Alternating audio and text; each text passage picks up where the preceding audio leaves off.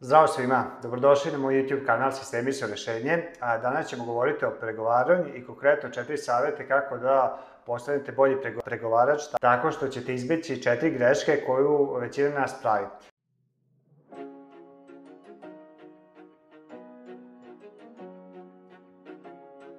A prvi savet jeste da nikada ne pregovarate. Šta to u suštini znači?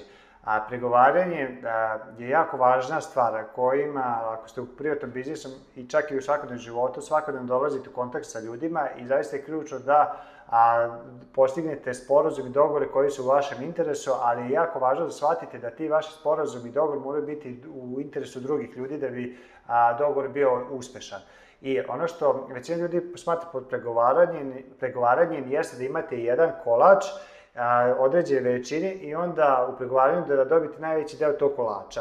Ono što ja predlažem jeste da to ne radite, nego pokušajte u pregovaranju da povećate taj kolač da biste, kada dve strane srađuju, dobili više nego što biste dobili sami a, da ste u tom poslu. I ono što recimo ja radim kada dođu ljudi kod mene za knjigovodstvene usluge, ja nikad se ne trudim da im pokažem, ok, to su cene i sad ćemo pregovarati oko te cene, nego ja pokažem vrednost koju sve radim i pokažem kako a, sa našim uslugama možemo pomoći njima da unaprede svoje poslovanje, tako da je u suštini važno da povećate taj kolač tako što ćete pokazati vrednost koju donosite na 100 i onda kada donesete tu vrednost, onda treba da se dogovorite a, oko konkretne cene. Tako da prvi savjet definitivno nemojte se se trudite da pregovarate, nego pokušavajte da a, stvorite veću vrednost, veći kolač i da na kraju obe strane budu zadovoljne. A drugi savet jeste da nikad ne pregovarate sami sa sobom. A šta to znači? To znači da kada jednom dogovorite i odlučite a, koja je minimalna cena ili maksimalna cena koju želite sa kojim želite da idete, a nemojte kad dođete za pregovarački sto da se onda premišljate zato što će to uticati na vaše samopouzdanje i to će se odraziti, ljudi, ljudi će vidjeti da ste nesigurni i onda da mogu vas iskoristiti. Znači, kad jednom donesete odluku, koja god bila cena, stanite iza, iza te odluke i nemojte je mijenjati. Znači, ne pregovarajte sami sa sobom. A, na primjer, mi smo imali sad situaciju da smo hteli da pa, kupimo trambolinu a, za decu, za dvorište i sad a, ni, skoro nigde ne možete naći trambolinu i supruga je tražila na kupujem prodajem sajtu. I mi smo rekli, ok, za trambolinu ćemo dati a, do 20.000 dinara i ona je na sajtu našla a, neku trambolinu gde je čovjek prodavao za 30.000 dinara.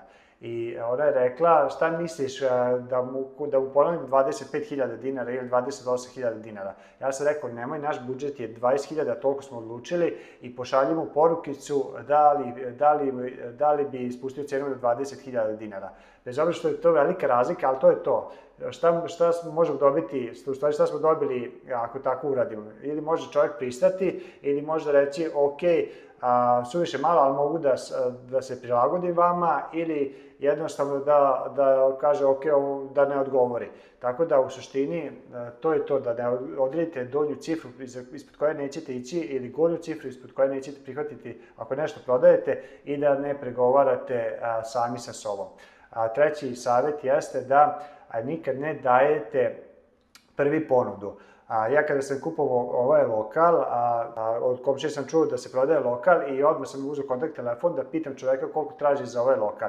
I ja pre, pre nego što sam a, se čuo sa tim čovekom, ja sam imao određen budžet i ja sam već uokolo tražio neke lokale da kupim, ali nisam teo da kažem prvi ponudu, jer recimo da sam rekao prvi ponudu, onda jednostavno čovjek je mogao da prihvati to i onda bi ja sebi ovaj, razmišljao a, da li sam se zeznuo, možda sam mogao proći bolje.